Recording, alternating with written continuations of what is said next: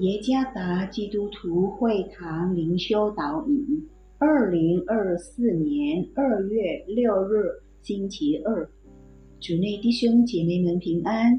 今天的灵修导引，我们要借着圣经箴言十四章第三节来思想今天的主题：自控的保守看顾。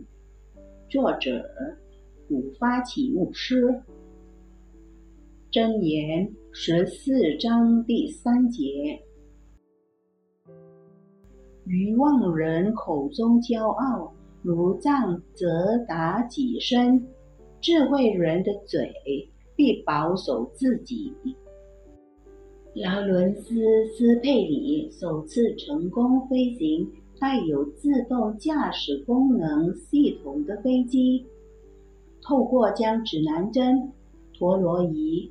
升降舵、副翼组合在一起，并连接高度仪，飞机可以依循指南针水准直线和平衡的飞行，而无需飞行员的控制。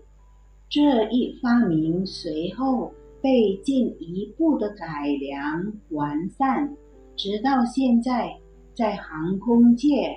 我们知道了自动驾驶系统，飞机可以在不完全依赖飞行员的情况下飞行。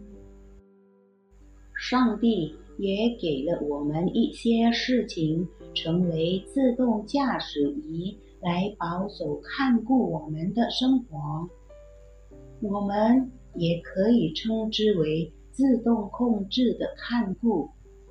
这意味着，上帝提供了一个法律或系统，来保守我们在他的看顾下。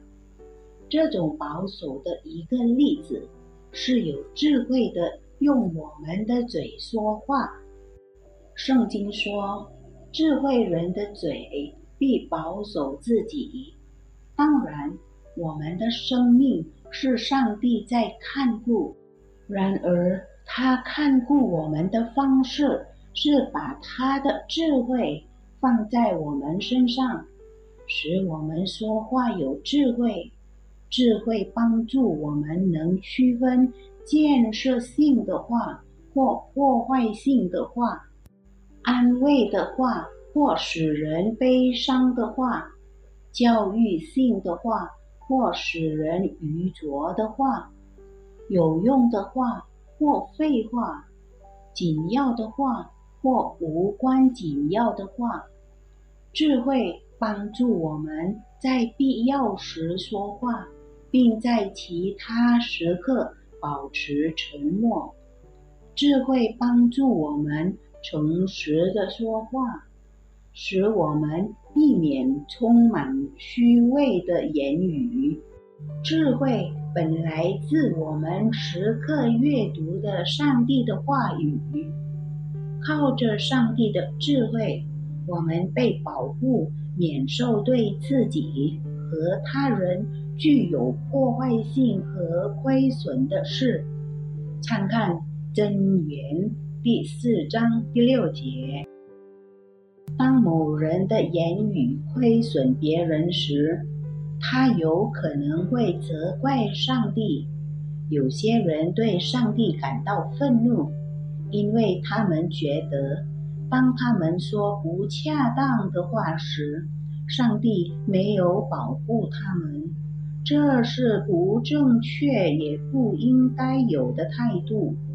他自己没有运用上帝赐予的智慧，所以他所说的话。不但不造就人，反而毁了别人。让我们成为明智的人，正确和适当的使用我们的言语，这样我们就能成为别人的祝福，并经历上帝自控的看顾保守。神是用他的智慧来看顾保守我们的好牧者。